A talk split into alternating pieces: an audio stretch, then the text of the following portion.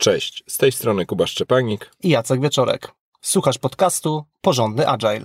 Rozmawiamy o tym, jak pracować zwinnie i jak robić to porządnie. Zapraszamy.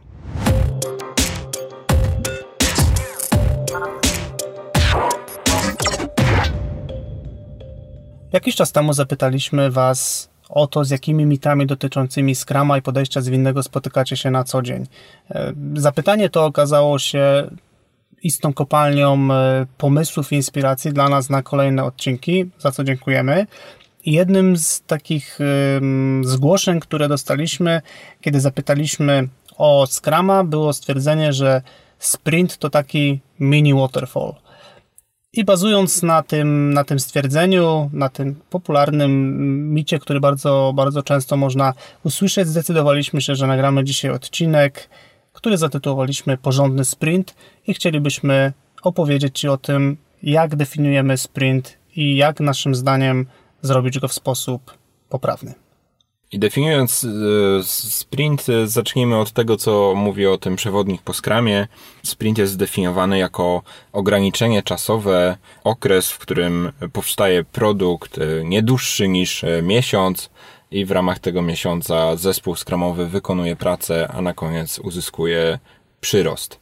I to jest taka definicja czysto skramowa. Z takich definicyjnych rzeczy jeszcze warto dołożyć e, taki bardzo ważny aspekt tego, że Scrum mówi o tym, że sprint jest e, takim sposobem na limitowanie ryzyka, czyli podejmujemy jakąś pracę, dzielimy ją na krótsze okresy, na jakieś takie wycinki czasowe, wewnątrz których próbujemy zrealizować pewne działanie i dzięki temu podejściu no, małych kroków albo mniejszych kroków no, sprawdzamy, jak nam idzie, sprawdzamy, czy pojawiają się jakieś ryzyka technologiczne, ryzyka procesowe, czy też ryzyka w naszym produkcie i dzięki temu możemy na to zareagować, możemy tym zarządzić, możemy, możemy mieć pewien monitoring ryzyka, tak jak w klasycznym zarządzaniu projektu, no monitoruje się te ryzyka, tak Scrum jest tutaj też sposobem na monitorowanie ryzyka, chociaż zabiera się na, za to w nieco odmienny sposób. I ja myślę, że ten nieco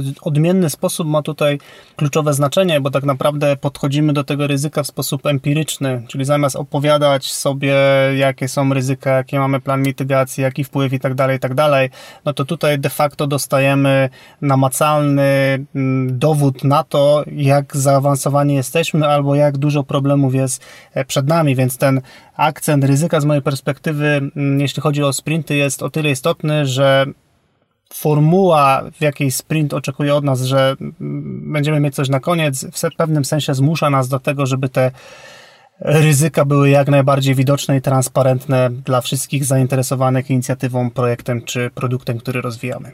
Jest to jednocześnie takie, jak mówisz o empiryzmie, takie najbardziej trudne do niezrozumienia, czy sprint nam się udał, czy się nie udał. No, założyliśmy sobie pewien cel sprintu, osiągnęliśmy go lub nie. Założyliśmy sobie, że coś wykonamy, udało się lub się nie udało. I, i no, w wielu projektach jest dużo zabawy w takie złudzenia, zwłaszcza w środku projektu. Nadrobimy, może się odblokuje, może nam wreszcie dostarczą, może ten zakupiony sprzęt jednak jak już dojdzie, to, to jakoś tam magicznie uratujemy pierwotnie przewidziany termin. E, no, Scrum tutaj podchodzi dosyć, e, dosyć brutalnie. E, jeśli w pierwszym sprincie ci się nie udało, to znaczy, że masz kłopot, a w, no, w klasycznym projekcie to często by oznaczało, no, mamy jakiś issues, albo jest pewne ryzyko, które się trochę materializuje, albo jego procent e, prawdopodobieństwa rośnie, Scrum mówi, no nie jesteśmy w stanie pokazać działającego produktu, pomimo tego, że się napracowaliśmy przez ostatni okres, nie mamy nic. I takie smutne przeglądy sprintu, na których zespół nie jest w stanie nic pokazać, chociaż wykonali niesamowitą ilość pracy, to z mojej perspektywy jest takim niesamowitym bodźcem i uderzeniem, w szczególności dla osób w managemencie, no bo te wszystkie papiery, te wszystkie tam raportowania, o których mówiłeś, to właściwie można schować do szuflady, no bo tutaj namacalnie widzimy to, że zespół spędził na przykład dwa tygodnie pracując, i nie są w stanie nic pokazać, nie widać produktu, nie możemy nic na jego temat powiedzieć, no moim zdaniem to daje bardzo mocno do myślenia, czy my w ogóle jesteśmy w stanie dostarczyć ten produkt, albo jakie przeszkody na naszej drodze musimy usunąć, żebyśmy byli w stanie ten produkt dostarczać w sposób płynny. Drugą część tego odcinka chcemy skupić na tym, żeby już nie rozmawiać o definicjach albo, albo jakichś historiach porównawczych między Scrumem a podejściem klasycznym, tylko po prostu opowiemy o tym, jak definiujemy e, naszym zdaniem porządny sprint i ta definicja to będzie sześć porad, konkretnych e, sugestii, jak wykonywać sprint, jak go organizować, jak się do niego zabierać, co może być ważne dla Ciebie, jeśli jesteś z perspektywy Agile Coacha, Scrum Mastera, czy członka zespołu. Zobacz, która z tych porad może pasować, która z tych porad może zmienić to, jak funkcjonuje sprint w Twoim zespole Scrumowym. Pierwsza porada brzmi miej przyrost na koniec każdego sprintu. Jeśli chodzi o mnie, to to była pierwsza rzecz, która przyszła mi do głowy, jeżeli miałbym powiedzieć, po czym poznać udany sprint. Jak zaraz zobaczycie, tych, tych, tych wymiarów y, porządności może być bardzo wiele, ale z mojej perspektywy takim najprostszym do sprawdzenia i też takim najbardziej dającym czucie, czy zespół faktycznie w sensowny sposób wykorzystuje Scrama jako narzędzie do rozwiązywania e, problemów jest to, czy na koniec sprintu mamy jakiś konkretny, namacalny przyrost naszego produktu. Czyli przykładowo, mm, jeżeli budujemy jakąś e, aplikację cyfrową, no to mówiąc o przyroście produktu, spodziewałbym się jakiejś namacalnej formy tej aplikacji, żebym ja mógł ją zobaczyć, e, wyświetlić, kliknąć. E, chciałbym zobaczyć jakąś super uproszczoną pierwszą funkcjonalność, coś takiego super obdartego z wszelkiego rodzaju wodotrysków, ale pokazujący jednocześnie, że pierwszy krok zbliżający nas do stworzenia produktu, którego wersja nas satysfakcjonuje, został zrobiony. Absolutnie nie przemawia do mnie argument w stylu e, mamy napisaną część backendową, czyli programiści wykonali pracę. Nie przemawia do mnie, że ktoś przygotował jakieś tam makiety. E, nie przemawia do mnie, że zrobiliśmy świetną analizę. To wszystko to są tylko elementy składowe, Bardziej mnie interesuje, czy te wszystkie elementy składowe produktu tworzone przez różne osoby, czy my jesteśmy w stanie to raz spiąć w całość, a dwa, czy w ogóle zastanowiliśmy się, co w tym krótkim okresie czasu sprintu jesteśmy w stanie dostarczyć. I to jest dla mnie takie absolutne clue pracy w sprintach, no, a niestety obserwuję, że jest to nadal dosyć trudne do osiągnięcia, w szczególności w firmach, które dopiero zaczynają przygodę z, no konkretnie tutaj z, z frameworkiem Scrum. I warto się zastanowić, po co w ogóle mieć przyrost co sprint. Tu znowu wracamy do tematu ryzyk, e, bo to jest bardzo uniwersalny, uniwersalny argument akurat w kwestii przyrostów. No wymieniłeś chociażby na przykład backend. Backend nie połączony z frontendem, nie tworzący całego produktu, może nadal zawierać w sobie ryzyka. Ryzyko integracji, ryzyko mhm. jakichś e, niedociągnięć technologicznych, może jakieś ryzyko złego zrozumienia wymagań, które póki nie jesteśmy w stanie całościowo spojrzeć na produkt, to nie wykryjemy. E, ryzyka, zwłaszcza tematów typu analiza, e, gotowy dokument albo jakaś tam przyszykowana makieta, to wiele produktów póki nie użyjemy, póki ich klient docelowy docelowy nie spróbuje użyć w środowisku docelowym, najzwyczajniej w świecie jest tylko i wyłącznie pewnym przypuszczaniem, albo no, brutalizując sprawę zakładaniem czy obstawianiem, że wszystko będzie dobrze, że wszystko przewidzieliśmy, wszystko rozpoznawaliśmy, wystarczająco dobrze główkowaliśmy przed rozpoczęciem pracy. Nikomu nic nie ujmując, ale mierzymy się tutaj z, złożoną sytuacją, możemy być bardzo mądrzy, ale nadal ta rzeczywistość, ta, te realia takiego świata złożonego złożonego po prostu przywołają szereg rzeczy, które dopiero wyjdzie, gdy zaczniemy produktu używać, stąd przyrostowość. Zróbmy prostą wersję jak najwcześniej, zróbmy ją całą, żeby jak najwcześniej też zacząć zbierać ten, ten feedback, tą informację zwrotną z, z realnego świata, z realnych, od realnych użytkowników, od realnych klientów. Wiele razy spotkałem się z taką obietnicą, że podejście zwinne pozwala uzyskać więcej e, wartości w krótkim czasie i kiedy myślę sobie o wartości, to, to właśnie pierwsze moje skojarzenie jest takie, że powinna się pojawić jakaś namacalna rzecz na koniec sprintu i to jest właśnie ten przyrost, więc też tak patrząc, jakby trochę rozróżniając y, Scrama od podejścia zwinnego, no to jeżeli chcemy być zwinni, no to warto, żeby te, ten przyrost produktów w Scrumie się po prostu uwidocznił na koniec sprintu.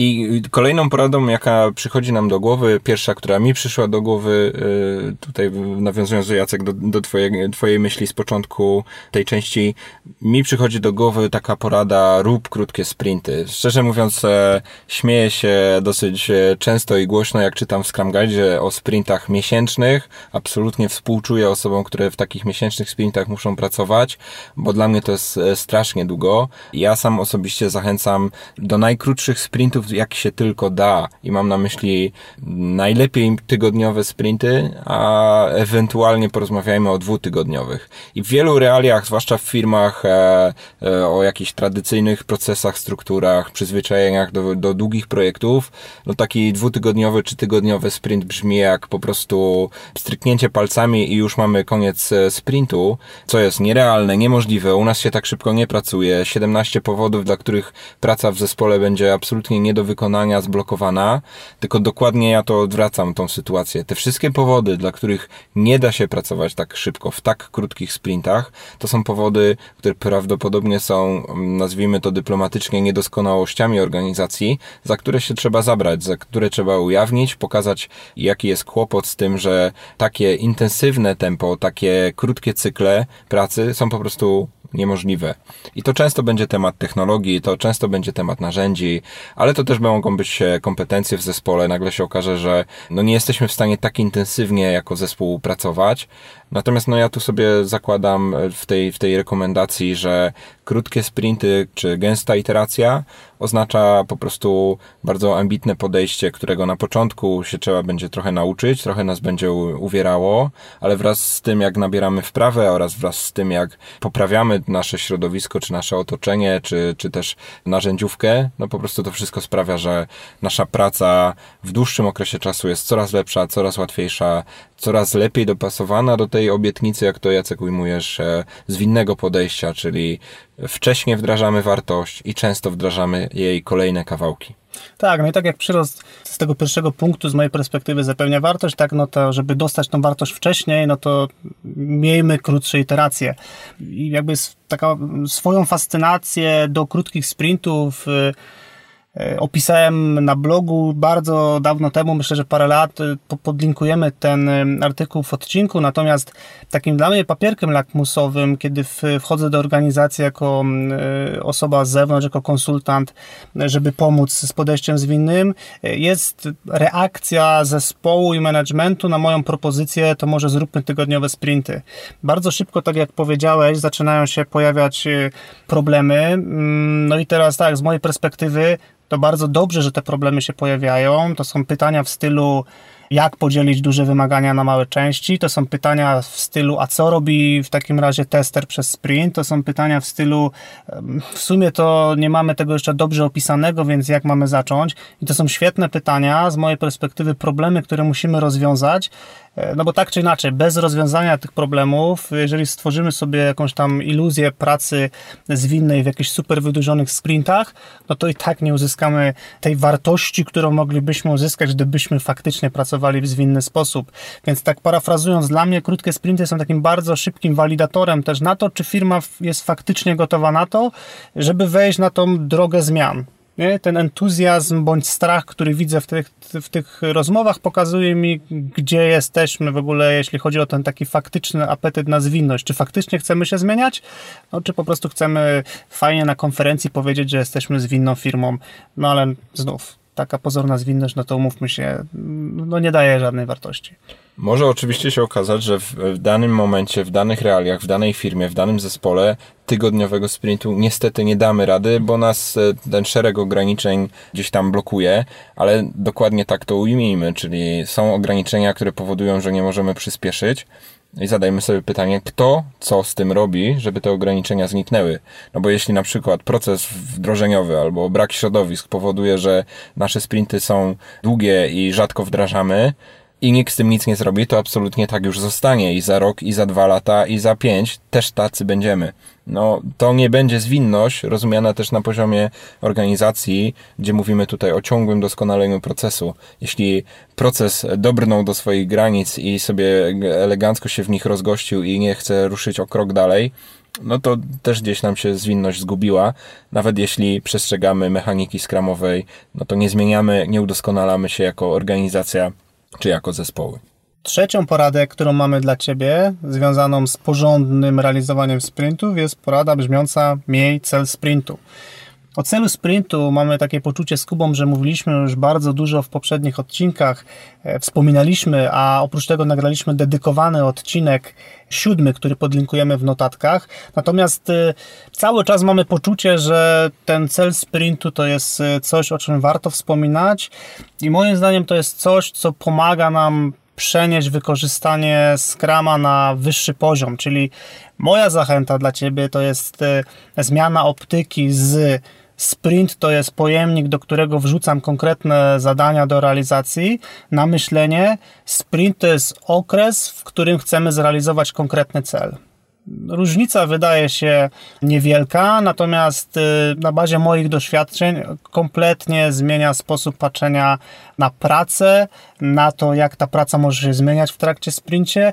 No i też automatycznie uruchamia bardzo fajne, bardzo fajne aktywności w zespole. Przede wszystkim są to aktywności, powiedziałbym, bazujące na częstej komunikacji i sprawdzaniu, gdzie tak naprawdę jesteśmy, ale cały czas jakby w tym naszym takim e, spojrzeniu, gdzie jest cel sprintu, gdzie my jesteśmy, co jeszcze powinniśmy zrobić, żeby ten cel sprintu zrealizować. I to kompletnie jakby spycha tą, e, tą perspektywę, przerysuje teraz dziubania tasków na inny plan. To jest tylko środek do celu, natomiast y, no, najważniejszy w tym wszystkim jest cel i jego sprawna realizacja. I ten cel sprintu nawiązuje do tego, co było e, taką naszą inspiracją pierwszą, czyli ten wątek, że sprint to jest mini waterfall. No, mini waterfall się w takim ujęciu raczej kojarzy właśnie z poszczególnymi specjalistami wykonującymi swoje e, specyficzne czynności, które dopiero razem magicznie złożą się w całość. A zespół, który realizuje cele, czy pracuje na celach, no po prostu od początku rozpoczęcia pracy do końca rozpoczęcia pracy w ramach sprintu e, dąży do tego, żeby ten cel zrealizować, co automatycznie zachęca do tego, żeby wychodzić ze swoich specyficznych ról, jakichś specjalizacji e, eksperckich, żeby sobie wzajemnie pomagać, żeby też e, praktycznie codziennie szukać okazji do tego, żeby może zredefiniować zakres pracy, przemyśleć nowe rozwiązania, wpaść na jakieś nowe rozwiązania. No i ja czasem słyszę argument, no ale po co nam cel, my wiemy co robić, te nasze taski są takie opisane, wszystko wiadomo. Mhm. Ja mam tu wrażenie, że tu jest problem w niektórych zespołach jajka i kury, że e, nie pracujemy na celach, więc nawet nie umiemy sobie wyobrazić, jakby to mogło być, a zwłaszcza jeśli e, do zespołu trafia już z góry zdefiniowany zakres, który tak jest łatwo do podzielenia na poszczególne osoby, no to no, no zespół nie rozwiązuje problemu, zespół nie jest w stanie dążyć do jakiegoś celu lub musi nie nieźle, nieźle się nagłówkować, żeby w ogóle ten cel sobie wstecznie jakby od, odtworzyć. I czasami właśnie ten, ten, ten problem jest jedną, jedną z przyczyn takich e, źródłowych ale trochę odbiegamy od, od zalecenia co do sprintu. No zdecydowanie ja też się mocno pod tym podpisuję. Cel sprintu tutaj e, robi różnicę. Cel sprintu jest czymś, co integruje. Cel sprintu jest też czymś, co pomaga zespołowi zareagować w trakcie pracy, e, zreorganizować swoją, swoją robotę pod to, żeby jednak zrealizować cel, dążyć do tego celu, e, czy, czy go wykonać. Następnym punktem, który, e, który zarekomendujemy, to jest e, zastosowanie inspekcji i adaptacji co sprint na poziomie produktu. Dobre sprinty oznaczają jakąś skończoną myśl, czy skończony cel, skończoną pracę, po której ponownie zatrzymujemy się, co, jak co sprint, zatrzymujemy się, żeby się zastanowić, co się nam udało osiągnąć, gdzie jesteśmy, jak zmieniły się realia, e, co o tym wszystkim, co do tej pory wykonaliśmy, sądzą interesariusze, jak to odbierają nasi nasi odbiorcy docelowi, czy to są jacyś użytkownicy, czy to są jacyś klienci. I na bazie tych wszystkich nowych informacji oraz tego wszystkiego, co się udało dokonać do tej pory, zastanówmy się, jak się zaadaptujemy To może oznaczać kontynuację pracy według pierwotnie założonego planu, ale często to może oznaczać drobne sugestie co do poprawki tego, co zostało do, te, do tej pory zrobione, a czasami będzie oznaczać e, no, sporą przebudowę planów, e, być może zmiany w product backlogu, być może jakieś nowe elementy, być może porzucenie jakiegoś całego wątku w naszym produkcie.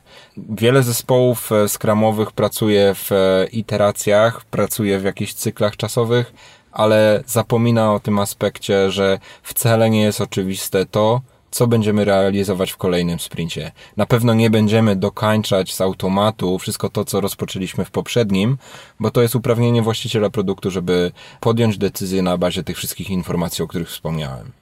No i jak sięgam pamięcią, to sam wspominam moment, w którym pracując jako Scrum Master z właścicielem produktu w zespole Scrumowym, e, spotkałem się z taką sytuacją, gdzie zespół tak korytarzowo umówił się, że a przecież to, że nie skończyliśmy tego tematu, to nic, przecież wiadomo, że na przeglądzie sprintu product owner nam to klepnie i będziemy robić to dalej. No i pamiętam e, zaskoczone twarze na przeglądzie sprintu, gdy product owner powiedział, dobra, to te rzeczy są zrobione, to je biorę, natomiast ten temat, który jest rozgrzebany, no to ja powiem Wam tak, nie będziemy go kontynuować, bo rzeczywistość jest taka, że chciałbym, żebyśmy się zajęli tym i tym i tym, bo ma to wpływ na to i tamto i to wynikało z jakichś tam ograniczeń e, marketingowo-biznesowych. Tak więc, e, no to taki tylko przykład na to, że to założenie, że ta praca może się przekładać ze sprintu na sprint i w nieskończoność, no może być błędne, w szczególności jeśli tą inspekcję i adaptację produktu potraktujemy e, w poważny sposób. Druga myśl, która mi przychodzi do głowy jest taka, że czasem się spotykam z takim podejściem nie zapraszajmy stakeholderów, nie zapraszajmy interesariuszy na, na ten przegląd, w szczególności kiedy to jest jeden z pierwszych, bo, bo nie mamy co pokazać. No, no moim zdaniem to jest taka pułapka myślenia. Moim zdaniem, i to rekomenduję, jest y, zaproszenie tych wszystkich stakeholderów, pokazanie im, gdzie jesteśmy, bo może być tak, że będziemy w stanie pokazać bardzo mało, to wtedy porozmawiajmy, dlaczego nie jest to tak duże, jakbyśmy wszyscy się spodziewali, albo z drugiej strony na bardzo wczesnym etapie jesteśmy w stanie dostać informacje zwrotne, które pomogą nam skorygować kurs, w który podążamy. Tak więc y, pomimo takiego być może poczucia czasem wstydu, takiego poczucia, że nie mamy co pokazać, no to ta regularna i wczesna inspekcja, adaptacja na poziomie produktu uważam no, za jedną z kluczowych rzeczy, o którą warto dbać w trakcie sprintu. I takie moje w miarę świeże przemyślenie na bazie e, zespołu, z którym współpracuję obecnie, to to, że nawet te drobne kroki, ale często, często pokazywane, często też korygowane, budują naprawdę ważną, ważny kapitał, często zapominany, czyli zaufanie. I tutaj zaufanie do zespołu ze strony interesariuszy, taki spokój co do tego, że jeśli pójdą w złą stronę, to mogą być szybko skorygowani. Myślenie perspektywą interesariusza, e, gdzie oni to zespół, ale też ta perspektywa z zespołu, że robimy coś, co jest ważne, interesariusze tego chcą, słuchają nas, oczekują na kolejne efekty, umieją powiedzieć, co jest ważne, co im się podoba, a ewentualnie co im się nie podoba. I to są wszystko takie aspekty, które powodują, że e, gdy przyjdą e, jakieś potrzebne kroki, na przykład wyrozumiałość, że nam poszło coś nie tak, albo wsparcie, żeby coś przyspieszyć, albo konieczność jakiejś ważnej, szybkiej decyzji, to to wszystko świetnie pasuje, jeśli mamy ten fundament już bardzo wczesnej inspekcji adaptacji, bardzo wczesnego kontaktu, no i też e, e, bardzo, mm, bardzo bliskiej współpracy, czy takiej bardzo bliskiej relacji pomiędzy zespołem, product ownerem i interesariuszami. Piątą poradą wspierającą porządny sprint jest porada brzmiąca inspekcja i adaptacja co sprint na poziomie procesu. I to być może enigmatycznie trochę brzmiące zdanie tak naprawdę wyraża taką myśl, że chciałbym zachęcić Cię do regularnego odbywania retrospektywy sprintu na koniec sprintu. Tak jak przed chwilą Kuba opowiadałeś, z jednej strony mamy inspekcję, adaptację na poziomie produktu, gdzie możemy raz zobaczyć, co mamy i dwa, podjąć decyzję, co zrobić dalej, no to retrospektywa zabiera nas na tą samą podróż, tylko z perspektywy tego, jak pracujemy, czyli nie mówimy o produkcie, mówimy bardziej o procesie, no i zastanawiamy się, co możemy usprawnić, co możemy zrobić inaczej, co możemy zrobić lepiej. Myślę, że to wielokrotnie padło, bądź w podcaście, bądź w jakichś naszych artykułach, które publikujemy, że jeżeli miałbyś robić jedną rzecz, no to, to rób retrospektywę ponieważ jest to absolutne serce wszelkich usprawnień. No i pominięcie retro z powodu nie mamy czasu, zobacz ile jest rzeczy w backlogu, czemu dwie godziny spędzamy na tym wydarzeniu. No uważam, że to jest absolutna pułapka, która krótkoterminowo wygląda obiecująco, zyskamy godzinę bądź dwie, natomiast w dłuższym okresie czasu nie widziałem e, zespołu, który by się usprawniał, nie rezerwując sobie pewnej ilości czasu na to, żeby się zastanowić, dobra, to co tak naprawdę możemy usprawnić. Jeśli chciałbyś bądź chciałabyś pogłębić temat tego, czym jest dobra retrospektywa sprintu, jak ją przeprowadzić, jak ją zrobić w sposób efektywny, to odsyłam Cię do piątego odcinku naszego podcastu. Link do odcinka włączymy do notatek. I szósta rada, taka bonusowa albo poszerzająca dwie poprzednie, to jest to, że inspekcja i adaptacja nie musi się odbywać tylko i wyłącznie na koniec sprintu. Taki fajny, porządny, dobry, wysublimowany sprint oznacza to, że wszystkie te rzeczy możemy realizować również w środku sprintu. Jest to dobre wykorzystanie codziennego skrama, na którym aktualizujemy nasze plany, synchronizujemy pracę, która została wykonana, odkrywamy jakieś trudności i wspólnie ustalamy całym zespołem, jak się adaptujemy, jak replanujemy nasze działania, jak reorganizujemy to, jak funkcjonujemy. I dokładnie ten sam sposób podejścia może być wzięty do usprawniania procesu, jeśli mamy jakieś ewidentne kłopoty albo jakąś wyraźną niedoskonałość, naprawdę nie ma żadnego problemu, żeby nie zrobić tego na szybko w środku sprintu, a nie czekać na przykład tydzień albo półtora, no bo o usprawnieniach rozmawiamy tylko na retrospektywie. To mhm. zdecydowanie jest przesadzona perspektywa. Jeśli mamy jakąś drobną rozmowę, możemy ją wykonać jak najbardziej w środku sprintu. Jeśli mamy jakiś kryzys, to również zatrzymajmy się i go rozwiążmy, a nie męczmy się przez tydzień, bo Scrum każe nam czekać do końca sprintu. Scrum tego zdecydowanie nie każe.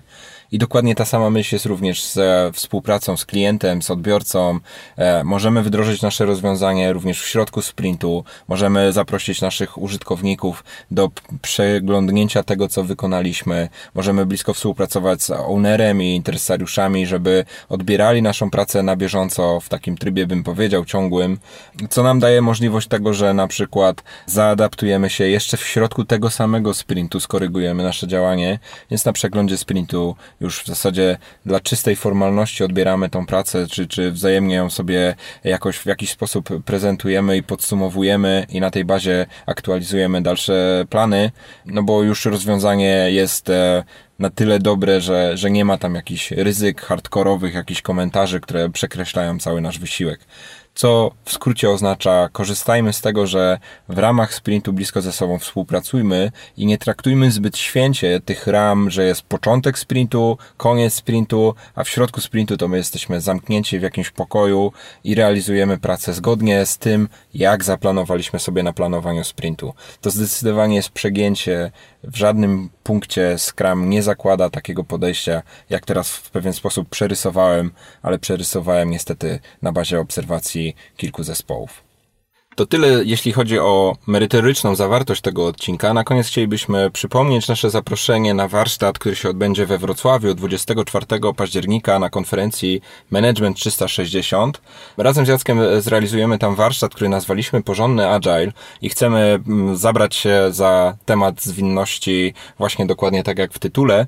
Możemy też od razu już ujawnić, że też w najbliższym czasie będziemy szykować wersję tego warsztatu, taką otwartą, do którego każdy z Was, nawet jeśli nie po drodze Wam do Wrocławia, będzie mógł się zapisać, będzie mógł e, wziąć udział i przejść z nami przez podróż, przez porządną zwinność czy porządne podejście Agile. I to by było wszystko na dzisiaj. Dzięki Kuba. Dzięki Jacek. I do usłyszenia wkrótce.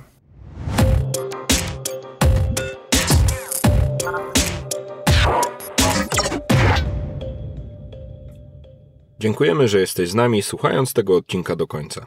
Nagrywanie podcastu to dla nas coś zupełnie nowego, dlatego zależy nam, żeby usłyszeć, co o nim myślisz.